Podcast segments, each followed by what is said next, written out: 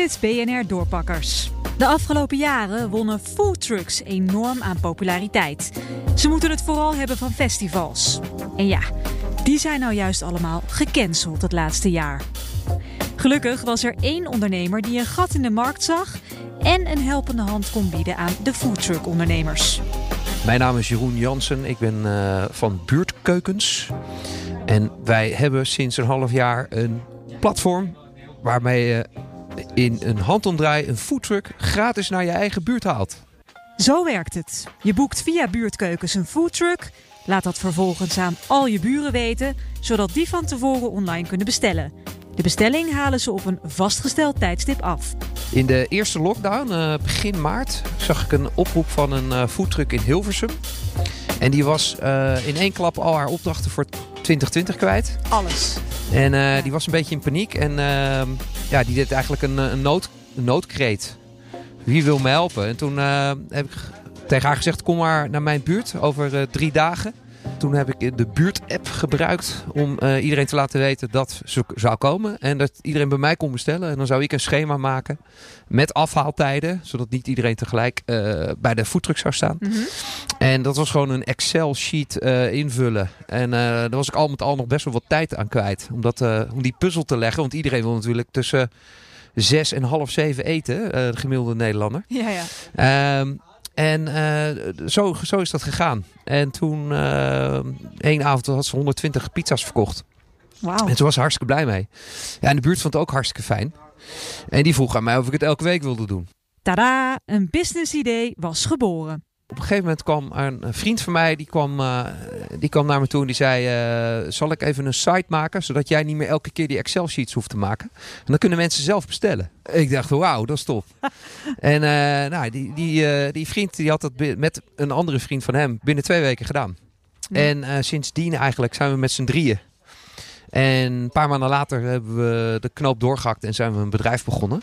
Ja. Twee maanden hebben we gratis gedaan. En uh, toen na twee maanden gingen we 10% commissie vragen. Aan elke foodtruck? Aan elke foodtruck. En, uh, en waarom belast je de foodtrucks en niet de klant, de consument? Ja, het is een beetje broekzak, vestzak. Uh, dus... je kan ook de klant een euro laten betalen die naar jou gaat. ja, ja, ik, weet, ik heb helemaal geen goed antwoord op. Ja, dit was gewoon het makkelijkste. Je hebt nee. er eens over nagedacht? Ja, ik heb er wel destijds over nagedacht. Nina, wat een goed idee van ja. je. We gaan de klant belasten. Nou, we gaan ze dubbel belasten. ja, soms sta ik versteld van mijn eigen ondernemersgeest. Maar zonder gekheid, de foodtrucks waren dol enthousiast en het platform Buurtkeukens groeit nu als kool. En eigenlijk begon het dus als een soort liefdadigheid. Ja. ja. Daarna heb je er een bedrijf van gemaakt. Ja. Wat is je omzet? Uh, omzet doe, doe ik geen uitspraak over. Maar ik uh, kan wel zeggen dat uh, we 750 keer een foodtruck in de Nederlandse buurt hebben geplaatst Ja? sinds maart. En, um, en dat we, ja, we hebben dus 160 foodtrucks.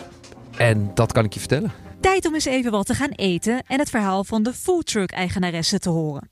Ik ben Ann. Ik ben van de Hoi Ann Foodtruck. Hoi Ann. Um, hoi. ja, die kennen we. Tuurlijk, um, niet origineel. Nee, wij verkopen via het meest eten.